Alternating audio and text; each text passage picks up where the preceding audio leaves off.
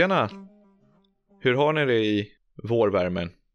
Eller ja, vår, värme vet jag inte, men det börjar i alla fall gå rätt håll. Det börjar bli sol och förhoppningsvis så har det snöat för sista gången. Det är ganska intressant det här med årstiderna tycker jag. För väldigt många människor blir ju deprimerade, eller i alla fall låga under höst och vinterhalvåret. Och det, det är ju kul att fundera lite på vad, vad det kan bero på. Det är, till viss del så är det ju faktiskt du själv som bestämmer hur du ska må, eh, oavsett vad det är för väder ute. Men det finns ju andra faktorer, självklart såsom liksom regn och rusk och mörker och ljus och kyla och värme så som påverkar. Det är ju faktiskt lite, lite lättare att leva på sommaren kanske, där man har mindre kläder och lättare att se vad fasiken man håller på med. Det är varmare och skönare bekvämare kanske. Det finns ju faktiskt en, en liten, liten en körtel i vårat huvud som har ett litet finger med i spelet beträffande just det här med ljus och mörker och den, den heter tallkottkörteln. Tallkottkörtelns funktion är att eh, känna av ljus och mörker och därmed också reglera våran eh, sömn. Och det gör den i form av att den sänder ut ett hormon som heter melatonin. Melatoninet gör oss trötta helt enkelt. Det hjälper oss att somna. Och den här körteln kan jag kan tänka mig då kanske ha ett litet finger med i spelet när det gäller just de här årstiderna också, att det är mörkt hela tiden och då, då går man ju faktiskt och känner sig lite tröttare då. Om man ska hårdra den här eh, körtelns funktion. Vad som är intressant också med den här körteln det är att dels från början så satt den eh, på utsidan av våran kropp eh, och kände av just ljus och mörker och, och, och sådär. Men den här körteln har även samma, lite samma struktur och samma uppbyggnad och samma eh, vävnad som våra ögon. Och i och med det så, eller mest inom andliga kretsar och sådär och kanske lite i vardagligt tal också, så kallas den här körteln för tredje ögat. Så om ni är mer intresserade av, av just det här så, så sök på tallkottkörteln. Kan vara intressant att nörda ner sig i en, en regnig dag eller solig. Men det är faktiskt inte det vi ska prata om idag. Idag kommer ni få lyssna bara på mig så jag hoppas att ni kommer stå ut med det. Vi ska prata lite inte hardcore psykologi, men vi ska prata psykologi idag. Och ämnet kommer vara försvarsmekanismer. Det här är ett begrepp som många känner till och man hör det och man, man kanske till och med beskyller andra eller säger så här att hon eller han, det där är en försvarsmekanism. Men det finns faktiskt uppstaplat, det finns en viss mängd och det finns eh, utrett och eh, forskat på vad vi har för försvarsmekanismer och vad de innebär och varför vi tar till dem. Så jag tänkte vi skulle, skulle prata om det och jag går igenom dem en efter en och eh, förklarar vad de handlar om. En försvarsmekanism är ju att när vi blir eh, frustrerade eller när vi liksom känner att den psykiska balansen är hotad, då, då måste vi skydda oss. Och som vi har pratat om förut så hjärnans funktion, från, alltså grundfunktionen är ju att hålla oss levande och varna oss för faror och så. Och då har den utvecklats olika strategier och mekanismer för att göra det. Och försvarsmekanismerna är en del i det. Och vi utsätts ju för olika krav, ständigt faktiskt. Och både liksom från omgivningen, och vi, men vi ställer ju också även krav på oss själva. Och de här kraven kommer ju ofta i konflikt med varandra. Och då måste vi hitta sätt att eh, försöka hantera de här kraven för, för att slippa eh, ångest och stress. Då skyddar vi oss med hjälp av försvarsmekanismer. Och det här begreppet just försvarsmekanismer, det myntades av Sigmund Freud, eh, som även är då eh, psykoanalysens eh, fader eller vad man ska kalla det för. Och han tog just upp det här med försvarsmekanismer som ett sätt att undvika omedvetna konflikter.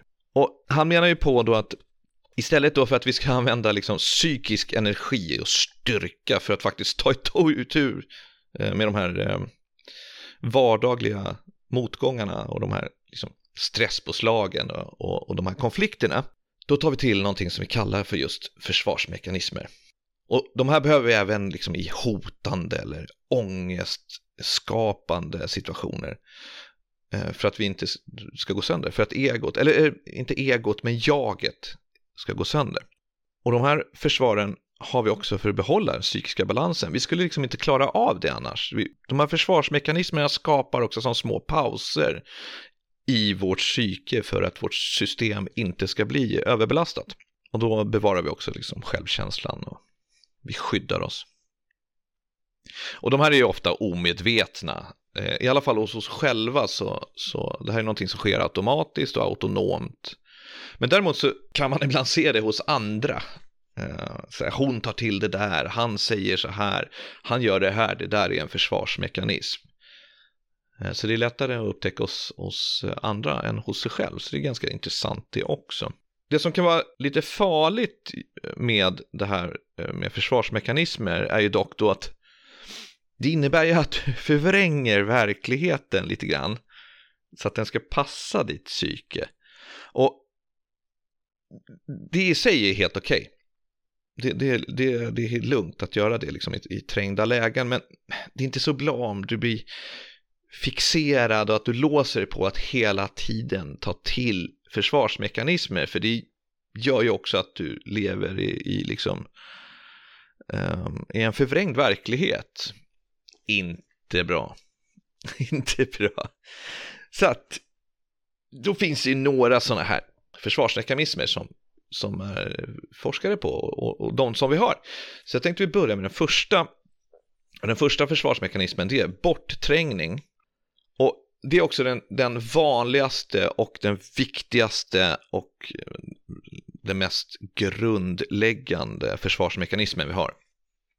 Det är liksom tankar, känslor och minnen som vi, som vi helt enkelt inte orkar kännas vid, vid för tillfället. Så de tränger vi bort. Vi trycker bakom till, till det undermedvetna, eller till det omedvetna ska jag säga. Vi glömmer dem och vi gömmer dem och vi, vi packar till dem. Vi trycker bak dem så långt vi kan in i skallen. Där kan de ligga och vara lite dova och suddiga.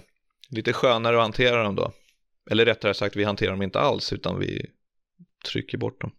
Men de finns ju kvar där. De ligger ju faktiskt kvar och påverkar oss, men vi, vi behöver liksom inte aktivt ta itu med det. Och då blir det ju också så att ibland kan ju de här bortträngda minnena, de kan ju komma upp till det medvetna. Och, och, det kan hända när du minst anar det. Och det är ganska roligt, för då kan folk säga så här, men varför känner jag så här nu? Eller varför kommer det upp nu? Jo, det ska jag tala om för dig, kära lyssnare.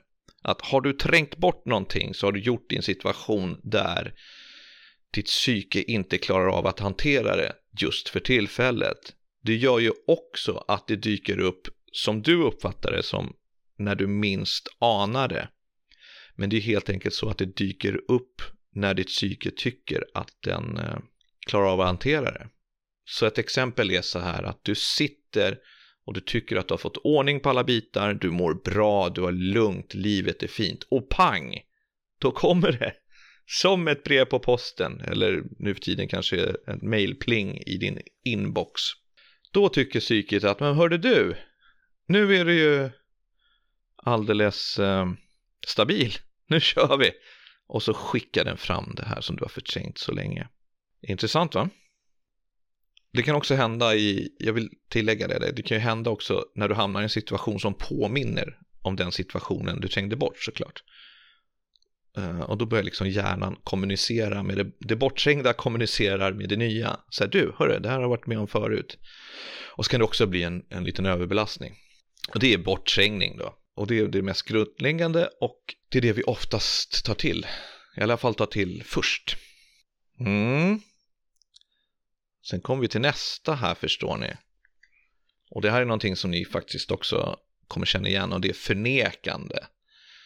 Och förnekande, eh, då tänker ni så här, men fan, bortträngning och förnekande, det är lite samma sak. Och det, det är faktiskt sant. Ehm, de liknar varandra, men förnekande är ännu mer konkret.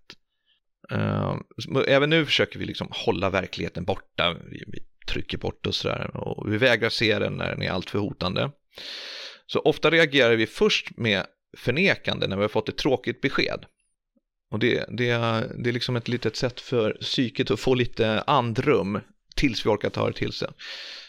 Vi brukar till och med säga det, så här, när vi får ett tråkigt besked, besked så brukar vi faktiskt säga det att nej men gud, det är inte sant.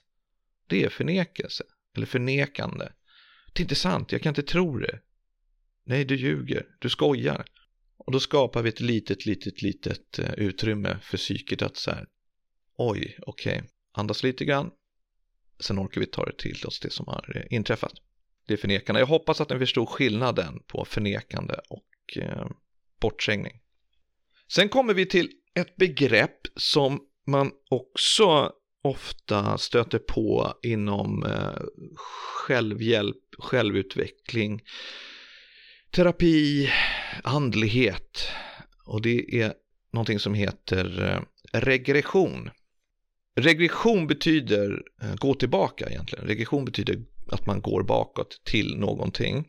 Men just inom psykologi när man säger regression då innebär det att vi går tillbaka till eh, beteenden som vi hade under tidigare perioder i livet. Och här är det då att menar man på att man, man går tillbaka till att bli barn på nytt du försätter dig i ett eh, hjälplöst eh, tillstånd där du är beroende av någon annan eller andra. Och barn som gör det här, eh, de går tillbaka till beteenden som förekom under liksom, tidigare utvecklingsstadier. Och regression förekommer ofta i situationer där vi, där vi känner oss hjälplösa och när vi blir sjuka eller måste liksom lita till, till andras hjälp. Och i regel så är ju då regressionen tillfällig, man, man liksom känner att man måste bara slappna av och bli det där lilla barnet för en liten stund. Eh, men det förekommer också att det blir ett bestående sätt att fungera och då blir det ett hinder i utvecklingen. Du kan inte gå runt och vara hjälplös och det här lilla barnet hur länge som helst i en krissituation utan du måste nog eh, tänka på att du ska därifrån också. Så eh, till exempel ett barn som har råkat ut för en olycka eller en allvarlig sjukdom och som pysslas om och överbeskyddas av sin familj och kan liksom efter sitt tillfrisknande fastna i det här beteendet. Och det motsvarar inte barnets utvecklingsnivå. Då. Jag vill också tillägga att regression förekommer hos personer med demenssjukdom. Eh, men då, då är det liksom inte symptom som används som försvar utan det är bara att de går bakåt i utvecklingen eh, som en del av sjukdomen. Alright? Är ni med så här långt? För att det här är väldigt, väldigt intressant. Då har vi kommit till en annan försvarsmekanism som ni också hört. Ni har, ni har säkert hört alla de här, självklart, men oftast är det så att man har hört orden men man vet inte riktigt vad de innebär. Så att det är därför jag berättar om dem eller nästan på ett militantiskt vis staplar upp dem för dig. Nästa försvarsmekanism är projicering. Också väldigt vanligt förekommande. Och det är också sådär att när vi inte orkar med våra egna känslor, vi är ganska bra på att fly från våra känslor. Eh, och vi är otroligt skickliga på att inte känna när det blir jobbigt. Projicering är ju som sagt då, när vi inte orkar med våra känslor, då, då flyttar vi över dem bara på andra. Det är jättebekvämt. Vi använder andra som, som någon sorts eh, spegel. Så, till exempel, ibland kan vi ha vi kan ha skuldkänslor för någonting som har hänt eller någonting som vi har gjort eller orsakat. Och, och vi orkar liksom inte hantera dem. Och då kan vi bara smidigt överföra dem på någon annan stackare. Det här är skitviktigt att, att kanske vara lite uppmärksam på. Alltså, egenskaper som vi upplever som konfliktskapande hos oss själva, det kan vi liksom fördöma hos någon annan. Alltså det vill säga, om jag, ehm, om jag är en sur och grinig person eller om jag har ett surt och grinigt beteende rättare sagt. Då kan jag liksom fördöma det hos andra som är sura och griniga. Du titta han är så jävla sur och grinig och så. Och så, så verkar man vara en person som går runt och har noll självinsikt själv. Men det har också med att göra då att du inte orkar hantera ditt eget beteende eller dina egna känslor. Då kastar du bara över det. Så du, den personen du fördömer blir liksom som en spegling av dig själv. Och det här är ganska intressant. Jag lärde mig det för, för ganska länge sedan att när någon ger dig tips i en text till exempel eller på något sätt skriver till dig. Eh, räkna hur många gånger personen skriver ordet jag. Och efter det kan du också analysera hur många gånger och i hur många meningar personen refererar till sig själv eller utgår från sig själv. Och det kan då indikera en ganska grov projicering.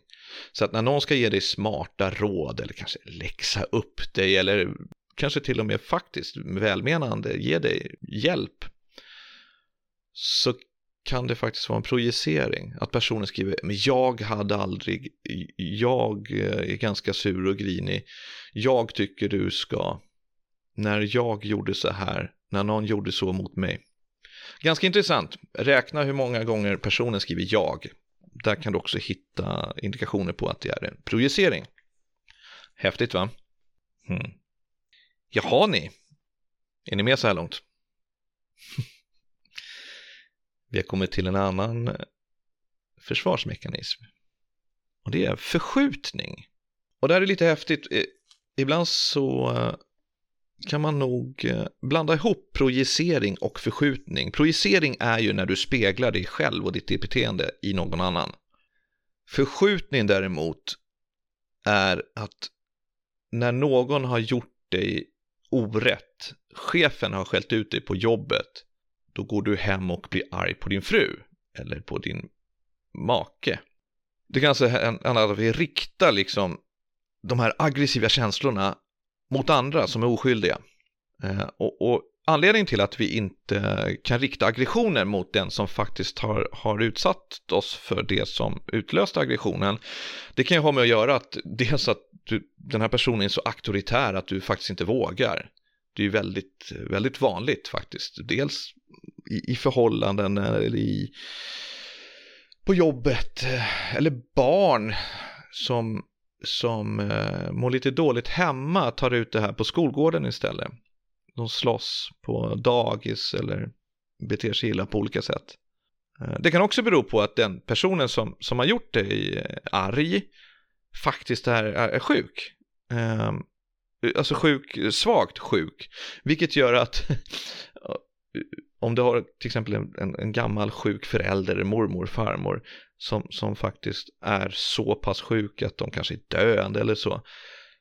Om den personen gör dig arg så, så tycker du att du kan ju faktiskt inte skälla ut den här döende sjuka personen och då riktar du det någon annanstans. Det här var ett ganska extremt exempel men det är för att ni ska förstå hur det här med förskjutning fungerar. Och det här är ju vi med om till vardags. Det här märker vi hela tiden. Att så, men fan var inte arg på mig för att det här hände dig på jobbet. Det är förskjutning. Mm. Det är många begrepp och det är många ord men eh, jag hoppas vi får lite mer klarhet i det här för jag tycker att det är viktigt. Det här med rationalisering då? Vad tror vi om det? Att rationalisera det är att eh, man liksom hittar en logisk eller förnuftig förklaring till allting. Man, man brukar i vardagligt tal kanske lite klumpigt säga att ja men fan du, du hittar en ursäkt för allt liksom. Eh, och det, det är faktiskt intressant. Att rationalisera det är att vi ljuger för oss själva för att det ska kännas bättre. Så vi använder oss av olika sorters eh, bortförklaringar. Eh, så att vi liksom, att vi, vi använder de här bortförklaringarna som vi själva tror på. Alltså, vi döljer det med en annan känsla. Du vet, du, har, du skulle gå på tivoli till exempel. Du har sett fram emot det hela dagen. Och så kommer du fram till det här tivolit och så är det stängt för reparation. Och då kastar du ur det att jag säger, ja men jag ville ändå inte, jag ville ändå inte gå in där. det kändes ändå fel, det var fel väder idag. Så att jag ville ändå inte göra det. Eller att um, du ska springa ett lopp eh, och du skyller på en skada eller att du kanske säger att men det var lika bra för jag behöver vila för jag har ett ännu viktigare lopp nästa vecka. Du liksom kommer med så här halvtaskiga bortförklaringar för att rättfärdiga att det ska kännas lite bättre. Och då lindrar du också det här som faktiskt har hänt. En sak som vi ofta gör, kommer jag på nu, det är att vi skojar lite skämtsamt sådär. Eh, ni vet när man har tappat någonting. Man tappar någonting på golvet och så säger man lite skämtsamt, ja men jag lägger den där. Det kan ju vara en rationalisering. Nu är det eh, humor förvisso, men, men eh, det är inom den genren. All right, mina lyssnare. En intressant grej, det är reaktionsbildning heter det. Varför det heter det, det vet jag inte. Det, det borde heta tvärtomspråket på något sätt tycker jag. Reaktionsbildning, det innebär att du beter dig helt motsatt mot vad, hur du verkligen känner. Vilket kan, kan ge ett jäkligt lattjo intryck på människor. Så att, men fan står du och skrattar? Du borde egentligen vara jättearg. Liksom. Eh, och det kan vara ett sätt att inte låta hotande känsla oroa dig. Så att kärlek kan förvandlas till hat, hat till omsorg, rädsla till hårdhet eller osäkerhet kan ju förvandlas till arrogans. Och det där kan vi se. Ofta brukar vi vara lite amatörpsykologer och säga så här, men det där är ju bara osäkerhet. Liksom. Och så kan det faktiskt vara när folk är väldigt dåliga på kanske att spela självsäkra eller liknande. Så att det, det kallas för reaktionsbildning, men det är egentligen så här att, att eh, det är en annan känsla än den som du verkligen känner. Det är också ett sätt att, Eh, inte fly, men det är en försvarsmekanism. Okej, okay, så har vi någonting som kallas för isolering. Och det här är ganska intressant, eh, för det här kan man använda ehm, aktivt också. Isolering handlar inte om att du låser in dig i ett rum och inte svarar i telefonen. Det är en annan typ av isolering. Men isolering är ett sätt att hantera känslan Eh, för stunden, att, att liksom kapsla in den. Det här ska man inte heller eh, blanda ihop med förnekande, förskjutning eller bortträngning. Utan isolering är någonting som aktivt används av till exempel brandmän eller polis eller räddningstjänst, ambulanspersonal och sådär. Och det är just att eh, känslor som vi inte orkar med just nu för tillfället, de, de kan vi isolera. Eh, så att vi liksom isolerar dem för tillfället och sen beter vi oss ändamålsenligt. Så att till exempel eh, en, en brandman, när, när det uppstår situationer där som känslomässigt kan vara svåra, isolera dig för tillfället för att du sköter ditt jobb till punkt och pricka och på ett professionellt sätt. Och sen först när den liksom akuta situationen är över, då kan du ta itu med de egna känslorna. Och där finns ju strategier för just för polis och brandmän och, och räddningspersonal och faktiskt inom psykiatrin och sådär också. Eh, att de är väldigt, väldigt noga med det, att du isolerar känslorna under just den här krissituationen och sen tar du tur med det direkt efteråt. Så det är isolering, det är ganska eh, intressant. Och man får inte ta isolering, så här förskjutning och bortträngning som, som eh, liksom någon sorts ursäkt för att kalla saker för isolering. Det är inte det. Den isolering är bara någonting du använder för stunden för att kunna liksom direkt ta itu med det sen. Till skillnad från till exempel bortträngning. Sen har vi kompensation.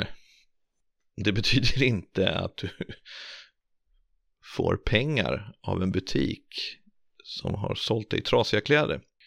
Jag ska läsa ett exempel för det här så att ni förstår. Det står så här.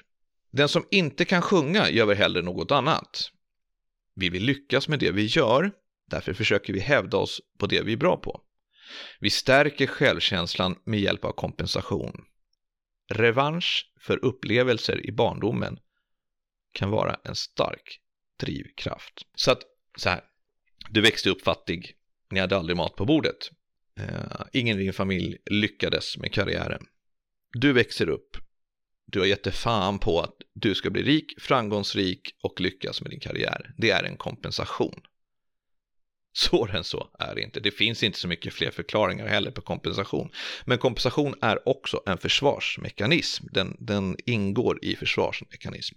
Men det här kan vara en ganska positiv försvarsmekanism. Beroende på vad anledningen är till. Sen har vi det här med humor, hörni. Ha? Den har man ju faktiskt hört också. Du ska alltid skoja bort allvarliga situationer. Och det är faktiskt så att humor är ett sätt att hantera jobbiga känslor och tankar. Därför är, kan du också ta till humor som en försvarsmekanism och det är många som gör det. Väldigt många. Och utåt sett kan det se ut som man är totalt liksom känslokall eller inte riktigt kan tolka in situationen. Men det är alltså då ofta en försvarsmekanism. Är verkligheten svår att stå ut med så skämtar vi för lätta på trycket. Det är inte mer än så. Så att eh, humor kan vara en försvarsmekanism. Sen har vi en sista också som går under eh, försvarsmekanismen, en, en mekanism som vi kan ta till. Och det är dagdrömmeri. Det här gör vi ju dagligen ändå, men vi kan också ta till det som en, eh, som en försvarsmekanism. Och det, det, det, säger sig självt vad det innebär. Det, det innebär ju att vi flyr till fantasin och vi drömmer oss bort från vardagen. Och alla våra problem. Det kan också vara ett sätt för hjärnan att, eller alla de här sakerna är ju ett sätt för hjärnan att pausa på. Men dagdrömmeri kan ju vara lite lätt meditativt och sådär. Och, och så. Men, men det är ändå en lite flykt från det som faktiskt pågår i verkliga livet. Och det är intressant det här med försvarsmekanismerna att hjärnan den är liksom byggd för att hjälpa dig och ta hand om dig och hålla dig säker och trygg. Men å andra sidan måste vi också hjälpa hjärnan att inte aktivera de här funktionerna för hårt och för mycket så att vi fastnar. Så att det är liksom ett samarbete och, och kropp och hjärna är ju en enhet. Och det som är så galet och lite knasigt det är att vi tränar hjärnan med den kapaciteten som hjärnan har. Så att vi använder hjärnan till att träna hjärnan. Det låter helt galet, men det, det är så. Vi liksom kodar om de här grundfunktionerna lite grann som har hängt med ända sedan vi som sagt skulle överleva och hitta mat och sådär. Så jag hoppas det inte blev alldeles för mycket korvstopperi och, och på tok för mycket information i dagens avsnitt. Men jag tycker faktiskt att de här försvarsmekanismerna är väldigt, väldigt intressanta och jag, och jag hoppas att du tog till dig någonting av det här som jag pratade om.